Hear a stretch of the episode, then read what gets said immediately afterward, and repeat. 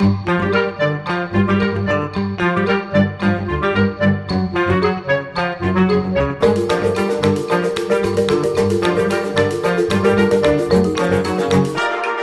radio Reiz radio ar šodienas skatu pagātnē.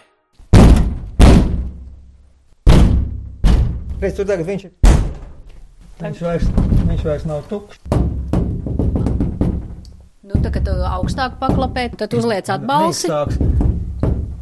Cik sen tā kaste ir? Paskaties. Rīgas radio simfoniskais orķestrs. Simfoniskais orķestrs. Tāda nosaukuma jau nav gadi 40. Savulaik pārdot šo metāla kasti, kas senāk ir kalpojusi mūzikas instrumentu pārnēsāšanai, tika imitēti pērkona dārdi. Tagad bez lielām pūlēm dažne dažādus skaņu efektus var atrast bagātīgos interneta krājumos, taču radio iestudējumi ar efektīgām lietus un viļņu šalkām, trauku šķindoņu vai atbalsts efektu tika radīti jau krietni sen pirms datoru ēras. Radioteātras studijā ilgadīgais skaņu režisors Ungars Savickis skatam atklāja ikdienā apslēptu pasauli ar dažāda veida kāpnēm, slēģu lodziņu, neskaitāmiem rekvizītiem, ko radīt skaņu efektus, un grīdu, kur zem mīkstā seguma ir paslēpts gan marmors, gan dēļi, gan pavisam īsts asfalts. Šī studija jau arī šeit ir. Apmēram šeit ir asfalts ieklāts grīdā. Nedēļas divas studijas mirdēja, jo ieklāja īstu asfaltu. Kāpēc? Lai varētu soļi pa asfaltu. Šeit ir balts marmors, gabals ar caurumiem, kur, teiksim, imitēt soļi pa marmoru, pilis kaut kādas, kaut kas tāds. Apmēram šeit ir kaste ar atveramu vāku, kurā ir grants. Ja kādam ienāca prātā imitēt soļus pa ar ūdeni nesalaistītu granti, tad šeit nevarēja elpot, jo visi tie putekļi jau, protams, bija gaisa. Bet tagad šeit viss ir noklāts ar vorsalīnu, un vairs nav nekā tu Nē, nē, nē, tur viss ir. Tur Ah. viss ir. Tikai pat labi, it kā nav tāds liels nepieciešams. Šeit bija. Dēļi. Es jūtu pēc. Koka dēļ varētu būt apakšā. Anu, tagad to Jā, nu, dabūt. tagad es neplēsīšu no. Šeit ir čīkstīga grīda. Nu, redz, te ir, piemēram, tu vari uzkāpt pa trepēm. Šīs ir koka trepas. Šīs ir koka trepas. Var uzkāpt augšā. Un tēlot, ka tu atrodies kancelē. Ja uzkāpj augšā, tad arī ir variants nokāpt bišķi pa citu vietu. lejā. Pa metāla. Tas ir metāla trepas. Te ir rakstīta visādi staigāšana pa kuģiem. Šeit ir durvis. Kur Var atvērt, var aizvērt. Šeit ir lodziņš, lodziņš var pieklauvēt. Var atvērt, runāt pa logu. Var aizsirst logu.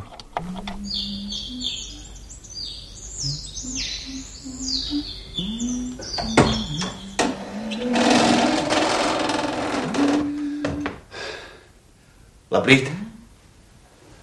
Labrīt!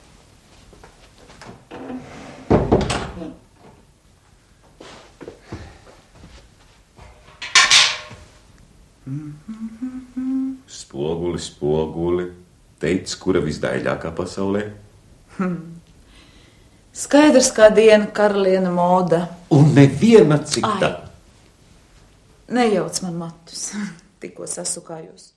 Tas bija fragments no 1975. gada iestudējuma Karalienes modas zeme, un tajā dzirdējāt aktierus Uldi Dumpi un Lili Tozoliņu. Skaņu režisors šim iestudējumam bija nesen mūžībā aizgājušais Vents Sēlis, kuru pieminēsim arī nedaudz vēlāk. Bet tagad atkal pievēršamies skanošiem rekvizītiem radioteātras studijā. Rekvizīti krātu. Jā, reku. Stīno buņģis vajadzēja te vienreiz ripināt. Skaitāmie kauliņi, tamburīns, ķēdes. Nu, Ja ir, teiksim, jāraksta par cietumnieku vai ne? Principā jā. Vai govi, kurai jāatsien vai jāpiesien. Govs šitā nebūs, šis būs drīzāk, nu, piemēram, pagrabā ūdens pili vēl, un viens būs, teiksim, pieķēdāts pie sienas smags noziedznieks. Tagad mēs to sametam kaudzē. Un tagad man ļoti grūti tā vienkārši izstāstīt, bet tā skaņa ir šāda. Ja šo katru skaņu sasinhronizē ar smagu zābaku soļiem, tad nāk cilvēks bruņās. Bruņinieks viduslaikā. Jā, jā. Ko mēs klausītājam liekam dzirdēt, to viņš dzird.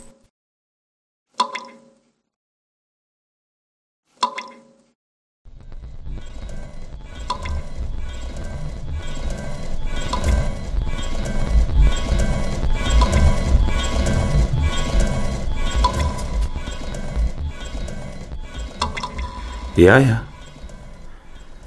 Miss Bareta. Mēs atrodamies tukšā mājā, tukšā telpā. Divi vien. Es un jūs. Šis skaņu fragments bija no 2003. gada iestudējuma augšu pa leju pejošām kāpnēm, un Džo Feronis lomā dzirdējāt aktieri Mārci Maņakovu. Taču tagad kāpjamies atpakaļ uz tiem laikiem, kad studijā tika lieta pieminētā asfalta grīda. Izrādās šīs idejas vaininieks bija toreizējais skaņu režisors Maigons Ozols, savulaik neskaitāmu raidlugu skaņu darinātājs un par savu darbu 2005. gadā ieguva Nacionālās radio un televīzijas padomas balvu par mūža ieguldījumu. Es saprotu, ka radioteātrī tur bija gan kāpnes, gan arī durvis, kuras speciāli varēja arī blīkšķināt, ja scenārijs to prasīja. Tās mēs ar sēlu uztaisījām. Panācām to, kad uh, iztaisīja šito asfaltēto celiņu studijā. To mēs atradām tieši tādu momentu, kad betonēja laukumu. Doma laukumu. Jā. Doma laukumu, ka betonēja toreiz palūdz strādnieks, kas ienes vairāk, viņa kādu pusdienu tur nostrādāja un sanes iekšā mums asfalts sanesu un uzlēja tur, kur mums bija vajadzīgs. Un tā kā mēs esam tur tā, piestrādājuši višķiņu pie tā studijas iekārtošanas. Reiz radio. Viesojos pie Sirmā kunga viņa mājās slokā. Lai arī Maigonim Ozolam rīt 88. gads, tomēr viņš ir sprigans un tikpat smaidīgs un omulīgs, kādu viņu atminas mani daudz pieredzējušākie kolēģi. Radio Maigons Ozols sāk strādāt 1959. gadā. Tolaik viņam aiz muguras bija mūzikas skolas izglītība, un jaunais Ozols spēlēja trompeti autodarbinieku kluba ansamblī. Līdz paziņa viņam ir piedāvājis darbu aizvietot radio skaņu režisoru, kuram tobrīd sākās obligātais dienests ārmijas rindās. Maigoņu ozolu, ja tā var teikt, meistarstiķi bija ieraksti ārpus radio studijas sienām, pie jūras, uz ielas, mežā, pilīs, muižās. Es centos, kad bija vajadzīgs meža šalks, bija vajadzīgs, kad bija vajadzīga jūrība, teiksim, ielas trokšņi, viss. Tos es visu mēģināju rakstīt kopā ar tekstu. Aktieri brauca līdzi un, un rakstīja man tieši tajā vietā, kur, nu, kur notiek darbība. Vēlni kalvi, viņi, to viss pie jūra gandrīz tika ierakstīti. Uz statīviem uzlikām mikrofonus. Ja bija telefoniski, tur brigādi izlika mikrofonus, un tad aktieri arī tuvāk, tālākā, un vajadzēja mums tā mēs arī tur rakstījām. Tad pie jūras aktieri nāca Un, eh, nu, bija tāda lieta, ka, piemēram, laivā arī vajadzēja rakstīt. Es atceros, ka Stēbris brauc zvejnieka dēlā ar motorlaivu un kliedz tad uz zivju pārpirkšanu. Tad tas iznāca laivā ar visu jūru un gatavs. Viss bija ieraksts jau, kā saka, vajadzēja tikai pirkt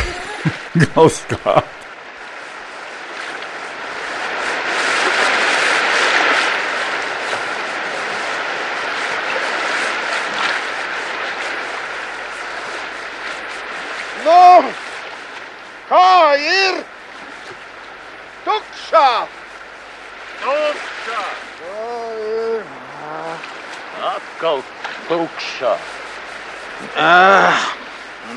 puskaste. Tāda jau ir tā zvejnieku dzīve. Izstrādājies, izvelcies stundām ilgi, un beigās redzi, ka nav nekā. Bet, kad pagadās lielāks loms, tad atkal nav kur likt. Jārok zemē. Ko? Tā jau tas vienmēr ir bijis un būs. Piemēram, bija Lermontovu vadījuma. Mēs rakstījām Rundāls pilī, kad aizbrauc vairākas dienas vajadzēja braukt tur un tā mēs rakstījām tur aktieri tur skrēja un gāja visu un darbojās tā, kā tas bija lūlu kā paredzēts. Mikrofoni tika uzlikt cēdēja un tad ieraksti bija ārā. Ārā viss, kas, kas nāca, kā saka, trokšņi, dabīgie trokšņi, kas viss bija, tie visi jau nāca iekšā, un tā kā nevajadzēja tos tad meklēt. Uz savu zirgiem pastēm, lai ar godi ripojām pagalmā, lai ar godi ripojām. Ah!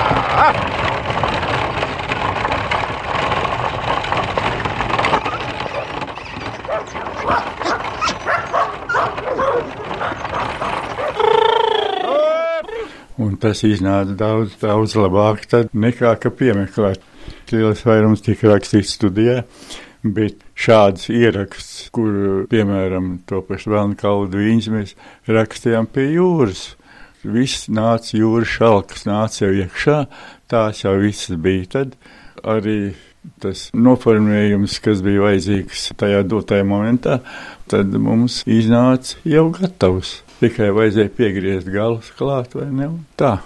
Laikraksts Rīgas balss 1971. gads, un tajā ir rodama intervija ar Maigoni Ozolu. Uz skatuves jūs redzat, kā varonis pāriet no vienas situācijas, no viena stāvokļa uz citu. Turpretī mums par radio ir jāpārraida gan kustības, gan žesti, gan jācenšas ar skaņu efektiem, klausītāja iztēlē izveidot varoņa ārējo izskatu. Taču tas nebūtu nenozīmē, ka skaņa pati par sevi spēj atrisināt visas problēmas. Nē. Ir nepieciešami apvienojumi, ir vajadzīga visa skaņu gama, kā arī prasme to izmantot. Dažs apgalvo, ka cilvēki ar karotīti kuļ glāzē ūdeni, lai rastos jūras viļņu šļaksti, taču īstenībā viss ir daudz vienkāršāk un tomēr komplicētāk. Radio trokšņtēka ir ļoti bagāta. Skaņu režisors stundām, dienām, pat nedēļām ilgi nostrādājis, lai ierakstītu lentē īstu troksni, kas vienlaikus derētu arī radio pārraidēm. Šo rakstu no minētā 1971. gada ir saglabājusi Maigoņa ozola dzīvesbiedre Valentīna, kura ir Maigoņa labais gariņš, asistente un sekretāra vienā personā. Arī tagad viņa palīdz vīram atminēties notikumus no radiodarba laikiem. Valentīnai Ozolai ir stāsts par vīra bijušo kolēģi Ventu Sēli. Jā, par tiem ierakstiem, ka tu gribēji pateikt, ka Ventas Sēles pat pat mm. trīs dienas sēdēja pie operas teātra kanāla malā, lai ierakstītu gulbju dziesmu. Tas bija interesants moments. Dienas un naktis viņš sēdēja kanāla malā, lai ierakstītu. Jā, tur attiecīgai lugai gulbju dziesmu. Viņam tas izdevās. Valentīna turpina šķirt ģimenes arhīvā saglabātos materiālus, un te runa ir par ierakstu dzelzceļa stacijā. Bella Raidluga vilciens attiek pēc stundas. Iestudējām režisors Oļģerts Šalkonis, visus ierakstus izdarīja brīvā dabā uz ielas automašīnās stācijā. Tieši tur, kur Raidlugas varonis Krantoks Donāts. Meklē atbildes uz daudziem dzīves jautājumiem, un te ir attēlā redzam aktieru Osvalds Krēsliņš, Ins Burāns, režisors, Oļģerts un skaņu režisors.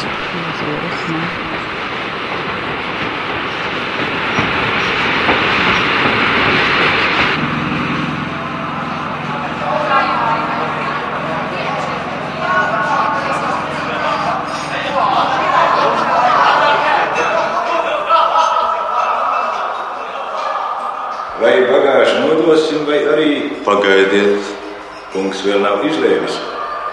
Nē. Nākošais vilciens attiek tikai 13 minūtēm. Jums veselu stundu būs jāgaida. Es nezināju, ka man šeit iznāks pārsēsties. Vai tas tik ļauni, kungs? Varbūt iepazīsieties ar pilsētu. Tā nemaz nav tik peļama. Radio, elektromagnētisko viļņu raidīšana un uztveršana. Ko jums pašam labāk patika rakstīt? Tos iestudējumus ārpus studijas, dabā vai tomēr radio studijā? Nu, labāk man patīk dabā rakstīt, jo dabā viss bija jau gatavs. Ja tā bija jūra, vai tas bija mežs, vai putniņi bija vajadzīgi, tas viss nāca tūlītās klāt. Tas nebija jāliek, jāmeklē, jo pēc tam, kā saka, likt klāt, tas daudz sarežģītāk bija, daudz grūtāk bija un, un vienmēr neiznāca tas. Bet bija jau to dabu bija tā, ka bija kādreiz arī vējš, no tā bija jāuzmanās, bija liela vēja, bija kādreiz nāca virsū, tad rūkoņu mikrofonā bija. Vaicāts par sirdī tuvāko darbu, Maigons Ozols min Raitlugu Vēlna kaula dvīņi, kas ir veidota pēc rakstnieka Egona Līva romāna. Te atkal citāts no minētā laikraksta Rīgas balss. Visgrūtākais skaņu režisoru darbā ir lielie radio uzvedumi, kur darbība norisinās dabā. Man ilgi paliks prātā raidluga vēlna kaula dvīņi, kur ļoti plaši tika izmantota daba. Darbs bija grūts, taču interesants. Pēc ieraksta ar prieku uzzinājām, ka šis uzvedums ir ieguvis ļoti augstu novērtējumu Latvijas radiodienā Maskavā.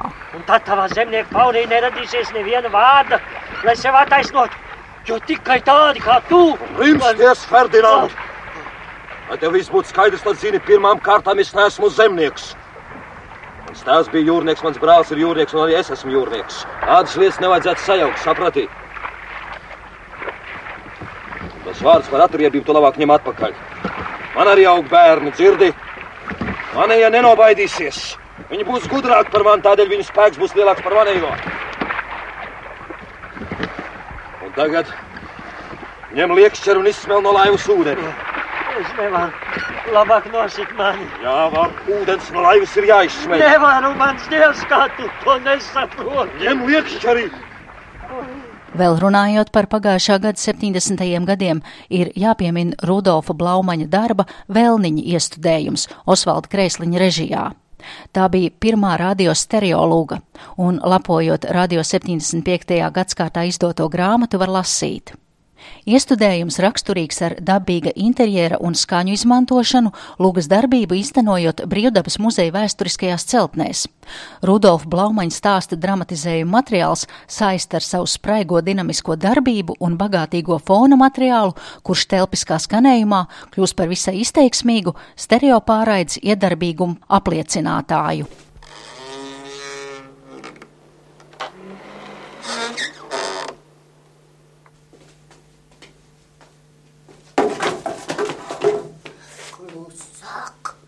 Dzirdēs vēl kāds.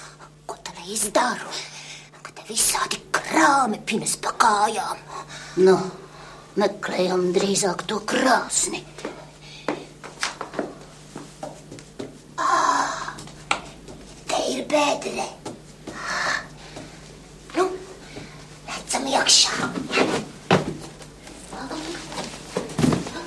Oh, te ir arī krāsnis bet te jau ir vēl augstāks nekā mežā. Kad šī ar to krāsni nav kurinājuši. Uh, ir gan cilvēki, slinki kā vēlni, nelamājies. Domā labāk, ko darīsim tālāk. Ei, ko? Pa, pa, pa. Kas tad te? Ko? Tas ir sviests. Veltes Kurstena un Vera Singejevska vēlniņu lomās, bet skaņu režisors Maigons Ozols. Tikā Maigoņa dzīves biedri ir atcerējusies vēl citas ierakstu vietas. 1984. gadā Uršulīti pēc Jāņa Jaunsudrabiņa darba motīviem ierakstīja toreizējā partijas līdera Vosa medību saimniecībā. Tur viņi brauca uz Vosa medību pili. To Uršulīti rakstīja. To uršu, jā, un tajā pilī esot dzīvojis pats Voss, un tur netālu esot bijis aploks. Un tajā aplokā esot dzīvojuši dzīvnieki, vai āļņi, vai meža cūkas. To viņa neredzēja, bet eh, pats Voss viņus šāva. Tos dzīvniekus, jā, savām vajadzībām. Un to ierakstu traucēja trokšņi. Un tad viņi konstatēja, ka tur netālu bija eh, novietoti lieli leduskapji un tajos leduskapjos viņi glabāja to, to gaļu. Un tie leduskapi bija tie, kas to troksni radīja, vienkārši, ka darbojas jā, leduskapis. Darbojās, jā, leduskaps, un tas viņus traucēja. Jā. Vai jūs kaut ko varējāt toreiz teikt Vosam, iebilst, ka jums lūk, vai viņš varētu atslēgt? Man gadījās, ka mēs bijām uz ierakstu, un tur tajā vietā es vosu nestatiku.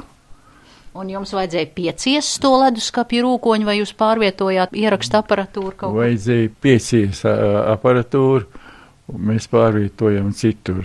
Bet pārbraucot mājās, kontrolēja vēl, ka tomēr, tomēr višķiņi bija, vai ne, tā vajadzēja filtrēt, kā saka. Varēja izņemt to ar filtru. Ar... Tā nevisai, kā saka. À, tad tagad, ja kādreiz no radioarkīviem pārraida uršulīti, tad ļoti rūpīgi ieklausoties, ja kāds dzird dūkoņu, tad tie vosi leduskapji. Jā. Jā. Tā iznāk. Tev, meita, vajadzētu raudzīt ar viņu tā prātīgi izrunāties. Man bail, ka viņš savā iedomībā negroza savu prātu. Tas, ka jūs baznīcā jau uzsaukt, vēl viņu nesien pie tevis, tāpat kā nesietu tas, ja tu gulētu viņa kambarī. Ļaužu valodu viņš nebīstas, un dieva soda vēl mazāk. Es tur nekā nevaru darīt. Es gribu būt laba, padevīga un uzticīga sieva, bet es būšu uzticīga arī savam meitas godam. Ar to arī skan šis raidījums, kurā par skaņu ierakstīšanas un radīšanas mākslu stāstīja skaņu režisori Ungars Savickis, Maigonis Ozols un Maigoņa dzīves biedre Valentīna Ozola. Raidījumu veidoja Zane Lāce.